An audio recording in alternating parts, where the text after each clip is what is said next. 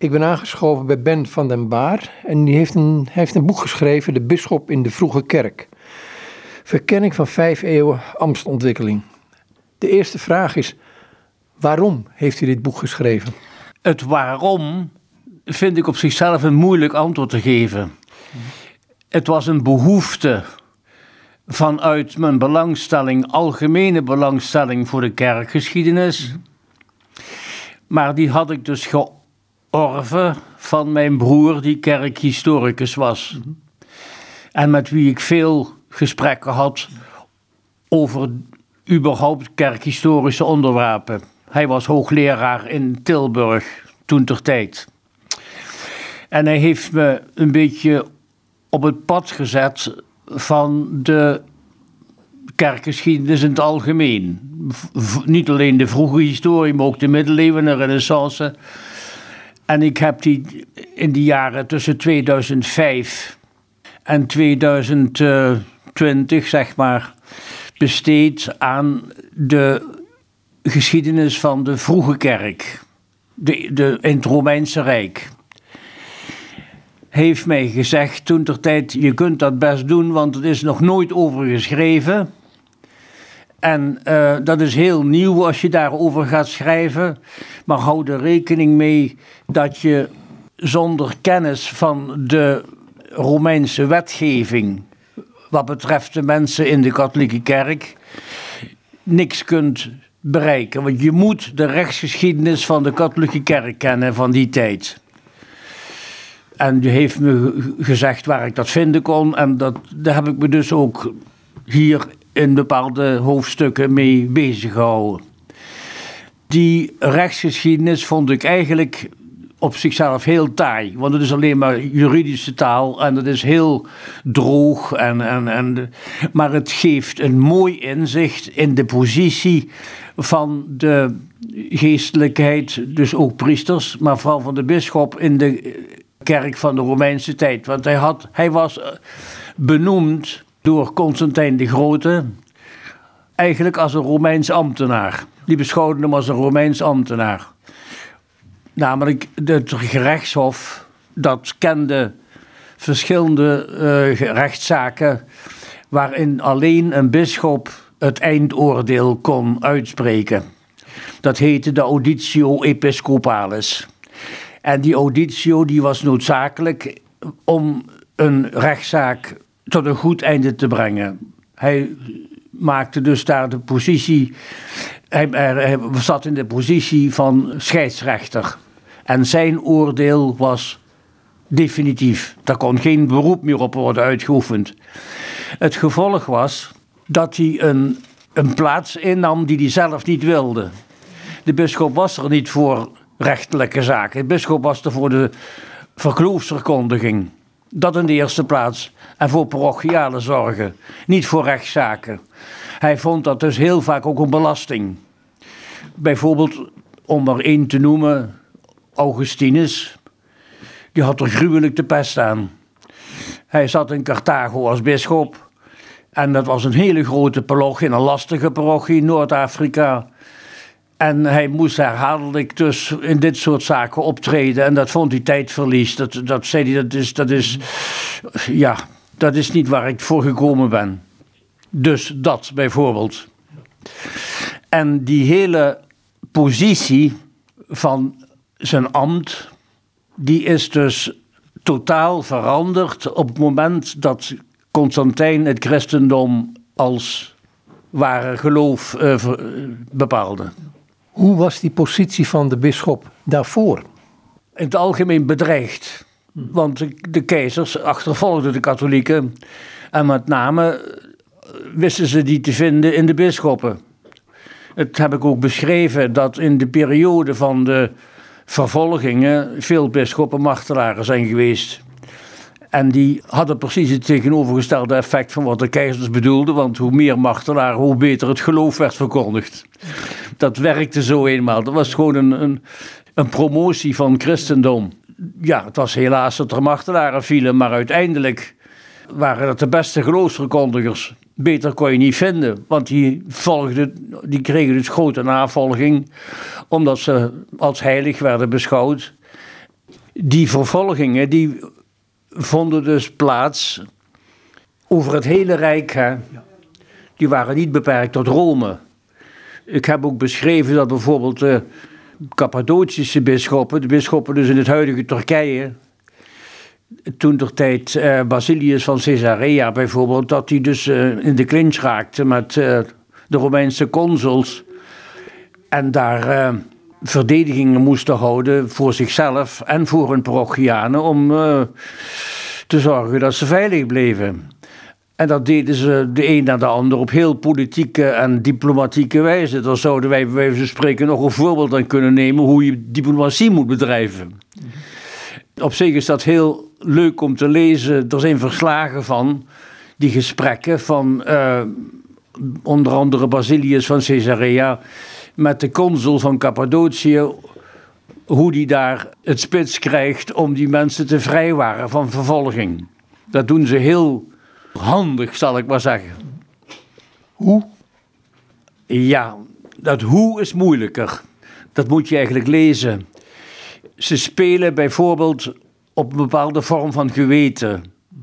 Alsof die Romeinse consuls uh, ook een soort christelijk geweten zouden hebben, maar dat is natuurlijk niet zo. Maar ze speelden toch op een vorm van ethiek. Van jullie doen mensen iets aan waar ze niet om gevraagd hebben en wat ze ook niet verdienen. En dat, doe je, en dat was hun, hun voornaamste wapen. Daar doe je jezelf mee tekort. En sommige consuls begrepen dat, anderen weer niet. Die hadden daar geen oor voor, die, die, die begrepen, die verstonden dat gewoon niet, deze, dit soort taal. Maar sommigen wel, en die waren daar gevoelig voor. In bepaalde streken dus, onder andere in Cappadocië, was de, de vervolging van christenen dus ook niet zo, zo rabiaat. Gelukkig maar. Ik ga terug naar het begin, die tijd. Als ik begin in Jeruzalem, waar het dus begonnen is, daar waren hele kleine groepen christenen verenigd in de vorm van families die een eigen huis hadden. En waarvan de hoofd van de huishouding, de vader, vaak de eigenaar van het huis was, die het huis ter beschikking stelde aan kleine groepen christenen, de zogenaamde huiskerken. Die staat, dat heb ik hier ook een hoofdstuk in, verander, in behandeld. Die huiskerken die waren toegankelijk voor iedereen en tegelijkertijd waren ze geheim. En dat is natuurlijk vreemd, want ja, dat, dat, dat, dat strookt niet met elkaar. Maar het, uh, werd, je kunt dat oplossen, dat probleem, door te zeggen iedereen die nood heeft, die ergens hulp nodig heeft, welke aard dan ook, omdat hij arm is, omdat hij vervolgd wordt, omdat hij geen vrienden heeft of wat dan ook, dat hij honger heeft, die is bij ons welkom. En dat was een, op zich al een verzetsdaad in de Romeinse wereld. Daar bestond hulp aan anderen niet. De Romeinse wereld was bikkelhard en iedereen die daar iets van, van handicap had, ziek was, melaas vaak, arm, geen positie, die werd als niet bestaan beschouwd en die werd verwaarloosd, totaal verwaarloosd. Er liepen in het Romeinse Rijk duizenden, zo niet tienduizenden mismaakte lepra-leiders rond. Mismaakte mensen uit oorlogen die maar, één, die maar één been hadden of één arm of het gezicht verloren. En die waren verdoemd tot de bedelstof. Die werden door niemand geholpen. De christengemeenschappen stonden voor deze mensen open. En dat was de aantrekkelijkheid ervan. Waar niemand terecht kon, dan konden ze altijd terecht bij de christenen, om welke reden dan ook. En daar hoefden ze niets voor te betalen, dat was gratis. Ze werden opgevangen in families, ze kregen vrienden en ze werden beschouwd als mensen en niet als mismaakten. En dat was de aantrekkingskracht van het christendom. Tegelijkertijd met het feit dat het christendom vervolgd werd. En dat woog heel goed tegen elkaar op, want het heeft niet de minste rem als gevolg gehad op de ontwikkeling. Het heeft alleen maar de ontwikkeling van het christendom uh, vergroot. De positie van de opziener. De bisschop van de opziener. De ja. opziener, ja. Die positie in die hele vroege kerk. En ik ga terug naar handelingen ehm, en de evangeliën, die tijd. Ja, dan zitten we dus al in de jaren zeventig. Dan is het christendom in de huiskerken zich al heel scherp aan het ontwikkelen. Buiten Jeruzalem. Dan zijn de apostelen al vertrokken naar Efeze en naar Griekenland en naar Rome. Dus dan heeft het christendom zich al in kleine gemeenschappen in die uh, landen gevestigd. En de bisschop, die moet dan zorgen dat hij en bureaucratisch gesproken de organisatie van zo'n gemeenschap binnen een groep van gemeenschappen in een bepaald land. Dus dat wordt dan een bisdom, ik zal maar zeggen Antiochië of Rome. Moet hij zorgen dat dat zijn rechtszinnigheid krijgt. Hij is dus daarin de opziener, episcopus. Hij is daar onaantastbaar. Hij moet zorgen dat er geen ruzie ontstaat. En dat kunnen we zien in de brieven van Paulus, bijvoorbeeld aan de, aan de Romeinen. Of andere brieven waar de bisschop dus als vredestichter moet optreden binnen bepaalde fricties in verschillende gemeenten van bisdommen. Wat was zijn taak nog meer? Um... Hij moest dus in de eerste instantie moest hij dus het geloof verkondigen. Mhm. Dat was het belangrijkste. Hij moest het evangelie verkondigen. En hij moest zorgen voor de armen in de huiskerken. Dat was zijn tweede belangrijke taak. En de derde belangrijke taak, hij moest priesters wijden. Want hij moest hulpers hebben, diakens en priesters. En die vond hij dus altijd binnen de kleine gemeenschappen. Er waren genoeg mensen die uh, daarvoor geschikt waren. En wonderlijk genoeg, maar ik heb daar niet de nadruk op gelegd, ook vrouwen. Je kunt wel zeggen, ja, de kerk die kan veel vertellen nu dat de vrouw geen bisschop mag worden, maar in de Anglikaanse kerk zijn vrouwen bisschop, heel simpel. En is ook terecht. Het staat ook nergens geschreven dat dat niet mag. En eh, bisschoppen stelden ook vrouwen als helpers aan. En die waren onmisbaar. Dus een eh, vrouwelijke helper van Paulus, die Thekla heet, in Rome, die heel goed werk verricht heeft binnen de geloofsverkondiging. En dat zijn dus dingen die, waar Rome een beetje uh, schuw van wordt als je dat soort dingen gaat vertellen. Mhm. En er staat wel meer in het boek wat Rome niet pikt, denk ik. Onder andere het feit dat we weten dat Petrus waarschijnlijk nooit in Rome geweest is, terwijl ze baseren op het graf van Petrus dat hij daar de eerste bisschop zou zijn geweest. Dat is waarschijnlijk helemaal niet waar. Dat onderzoek wat u gedaan heeft, wat trof u daar aan? Want uiteindelijk kijk je toch in een bril van nu naar het verleden. Ja, dat onderzoek wat ik gedaan heb, ja. Ik kan daar, ja, het is bijna niet meer te vergelijken. De eerste apostelen waren dus degene die aan het hoofd stonden. Dat waren de eerste episcopie. Episcopos moet ik eigenlijk zeggen. Dat waren de eerste opzieners, die twaalf. En die verspreidden zich over heel het oosten van Egypte tot Perzië toe. En Noord-Afrika enzovoort. En zij waren altijd vergezeld van een, een leerling. Die, ja, dat kun je beschouwen als een diaker, zou je kunnen zeggen. Die had de taak om, te zorgen, om de mogelijke behoeften van de mensen uh, te concreet, bij de bisschop neer te leggen. Zeggen van luister, die heeft, uh, is een gezin in armoede, die heeft geld nodig. Daar moet je wat aan besteden. Of die heeft geestelijke hulp nodig. Daar moeten we naartoe. Dat was een soort, uh, een soort signaalmannetje. Eigenlijk hadden alle apostelen wel zo iemand bij zich die zich als uh, gezelschapsjongen of boodschappenjongen of helper uh, met zich meenamen. Dat was eigenlijk de allereerste vorm van, christen, van geloofsverkondiging. En dat vond dus aanvankelijk in Jeruzalem plaats, maar al heel snel daarbuiten in heel uh, alle provincies waar nu zo omgevochten wordt in Palestina en zo.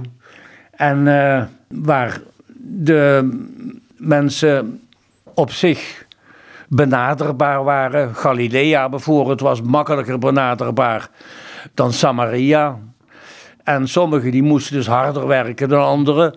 En het lag dus aan de, aan de gebieden waar ze waren of het christendom snel werd aangenomen of minder snel. Dat lag ook aan het karakter van de mensen. Maar door wie werden de bisschoppen toen aangesteld? Aanvankelijk eerst door de apostelen. De apostelen die stelden hun, hun opvolgers samen. De bisschop moest minstens 50 jaar oud zijn. Hij moest ervaring hebben in de zielzorg. Hij moest de Bijbel heel goed kennen, want hij moest het goed kunnen uitleggen. Hij moest uh, de wetgeving kennen, zodat dus, uh, zijn volgelingen uh, niet te veel fouten maakten. Hij moest niet, en dat was eigenlijk soms wel een moeilijk punt, hij mocht niets van bovenaf alleen beslissen.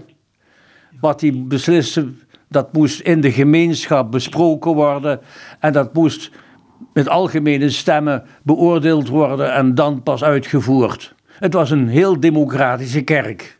En dat is natuurlijk het grote verschil met later. Dat, dit is eigenlijk ook nog onder uh, Constantijn de Grote en zijn opvolgers is dat voor een groot gedeelte tot het einde van het Romeinse Rijk zo gebleven.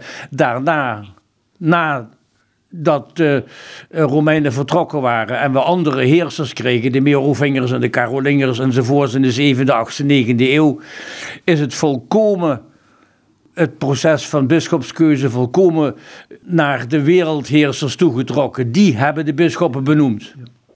Mijn vraag aan u is niet waarom heeft u het geschreven, maar wat hoopt u te bereiken met dit boek? Met dit boek? Ja. Niks. Daar kan ik heel eenvoudig in zijn. Ik wil niks veranderen, ik wil niks, niks bewijzen, strikt genomen, behalve wetenschappelijk. Ik hoef niet te bereiken. Want ik heb met veel plezier dit boek geschreven en gestudeerd erin op louter, uit louter wetenschappelijke behoeften. Ik, ik hoef niks te, te bereiken voor mijzelf en ook niet voor anderen. Mhm. Mensen die het boek willen lezen. Er zijn ook hier in het bisdom een paar geestelijken die uh, nu in bezig zijn daarin. Mhm. Ja, hoe functioneer je op dit ogenblik als bisschop in een kerk die weinig of niks meer betekent? De katholieke kerk betekent niks meer bij in Europa. Kerken lopen leeg, de mensen gaan, gaan nergens meer naar, naar kerkdiensten. Uh, er is geen godsdienstonderwijs op scholen, er is, uh, het is weg. Dat was in het begin ook zo. Nee. Nu is het weg. Toen was het er nog niet. Dat is een groot verschil. Ze begonnen met niks. En dat is eigenlijk een veel betere positie dan nu. Het is, nu is het weg. En alles wat er geweest is, is van geen betekenis meer. Ogenschijnlijk, tenminste, het lijkt zo. In Europa althans in Zuid-Amerika bijvoorbeeld is het christendom best nog wel, nog wel bloeiend. En op sommige plaatsen in Afrika ook. Maar of dat levensvatbaar is, dat weet ik eigenlijk niet. Maar daar zijn wel christenen die ook het woord verkondigen. Ja, dat is natuurlijk zo. Maar we hadden in Nederland, ik beperk me tot Nederland, hadden we tot ongeveer 19 75, 70, 75, hadden we veel priesterroepingen. En er waren er heel veel van, van uh, congregaties en ordes die in de, in de vreemde streken van de wereld, in Afrika en uh, in China, uh, missioneerden, het geloof verkondigen. Die, stuurde, die orde stuurde priesters naar alle streken in de wereld. En dat was een heel bloeiend missie. Nederland stuurde ontzaglijk veel priesters naar, uh, naar het buitenland. Ik kom uit een dorp hier vlakbij in, Sittard. En er, was ieder jaar wel ongeveer een priesterwijding, een jonge neomist. En meer van die nieuwe misten gingen onmiddellijk naar de missie in Afrika of in uh, China. Vooral Afrika, herinner ik me. Ik was toen nog een kleine jongen, maar een, een, een priesterwijdingsfeest in het dorp, dat was iets geweldigs. Ik kom uit dat dorp in Sittard waar mijn eigen broer zijn eerste missie heeft opgedragen. En dat was een enorm feest. Dat was een, een echt wat je noemde gemeenschapsfeest. Het hele dorp vierde dat feest. Drie dagen. Dat dus was werkelijk geweldig. En het hele dorp zorgde ook dat het gezin van mijn moeder. En wij waren arm, wij waren heel arm. Want mijn vader was in de oorlog, in de oorlog gebleven en mijn moeder die had niks te missen. Financieel niks te missen. En wij hadden toch de mogelijkheid, dankzij de mensen in het dorp, om een priesterfeest te vieren. En dat is geweldig geweest. Ook een vorm van katholicisme, van goed christendom. Maar goed, als je, als je nou dit boek schrijft, hè? U heeft dit geschreven. Wat heeft het u zelf nou gegeven, dit? Want, want u doet ontdekkingen in dit boek. Wat het mij gedaan heeft? Ja, dat, is dat is verschillend dat is, kijk, als je er 15 jaar over doet, dan is dat nooit helemaal hetzelfde wat je doet. Ligt ook al aan het moment. Eh, sommige van de bisschoppen die je behandelt, die raken je meer dan anderen. En dat is ehm, ook begrijpelijk. Zo goed als je meer, meer karakters onder de vrienden hebt. Sommige van de bisschoppen die werden je heel die stonden heel nabij, die gingen heel dicht bij je staan. Zoals wie? Basilius van Caesarea bijvoorbeeld. Die man die is, die is uh, ja, die was praktisch ingesteld. Was van rijke kom af, dat is één, die had geld. Dat was natuurlijk een groot voordeel als hij iets moest organiseren. Dan kon hij met uh, de buidel zwaaien, dan kwam het wel goed. Maar deze man die was een geweldig predikant. Hij schreef schitterende brieven. Hij was uh, doordrongen van de theologie van het christendom. En hij was een geweldig organisator. Hij zat in een stad als Caesarea waar heel veel armoede was. Dus wat deed hij?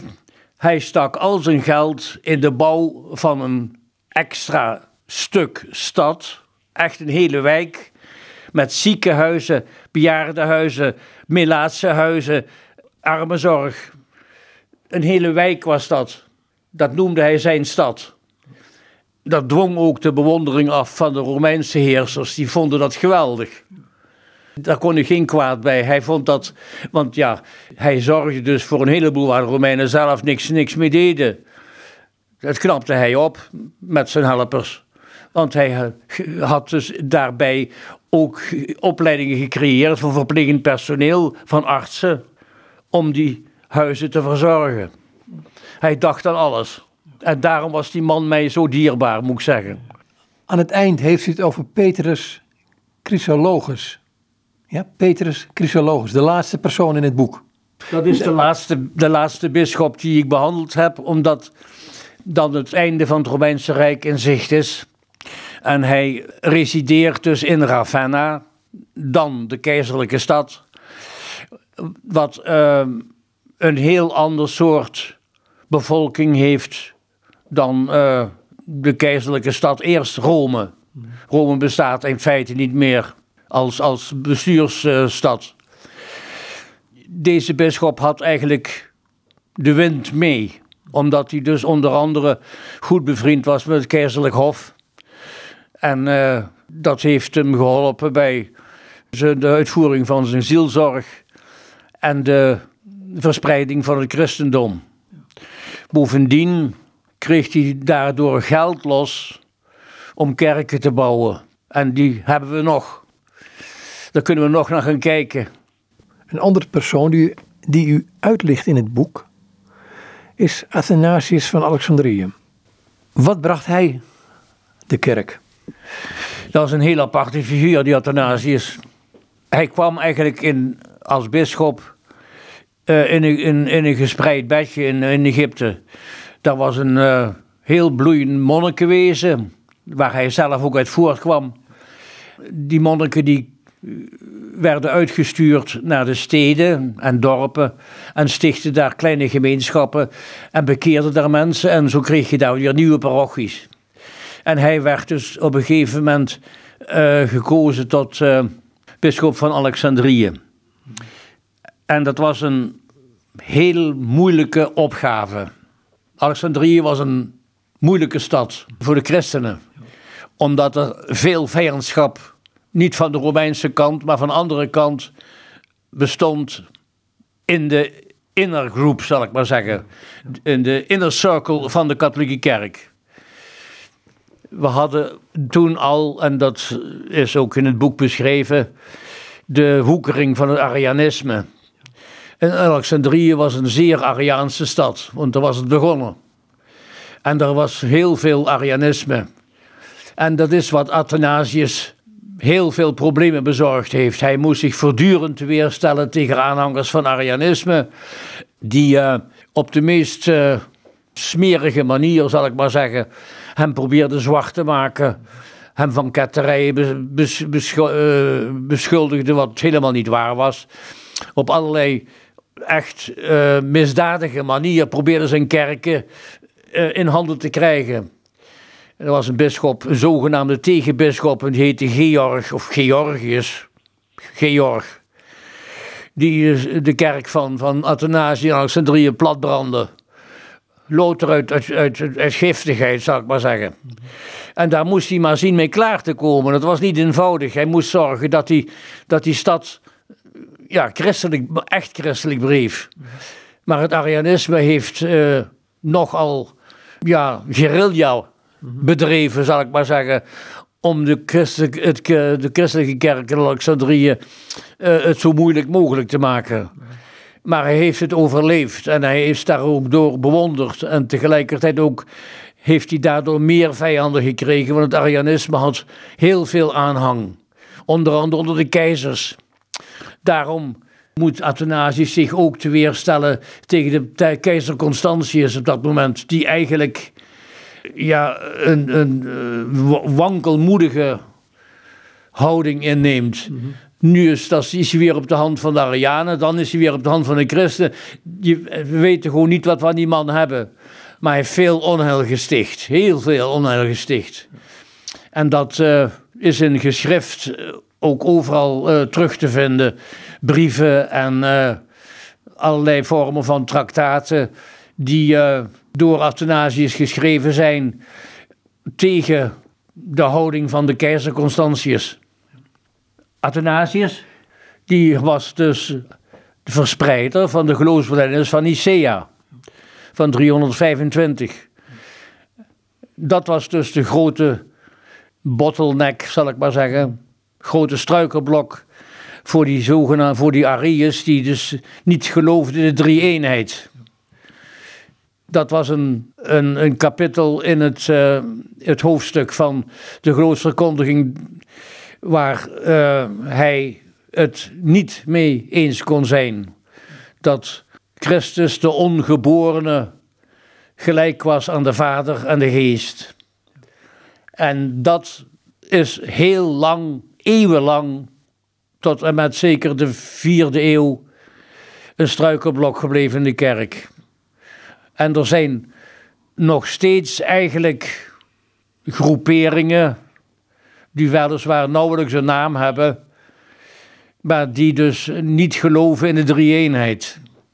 Ik zou dus eigenlijk willen, willen zeggen dat deze studie zodanig gelezen moet worden door de mensen die dat aangaat, en het zijn dus kerkhistorici van allerlei soort, dat die zodanig gelezen moet worden dat er een vervolg komt een, voor mij part een, eh, wat ze dan in de moderne termen een case-studie noemen.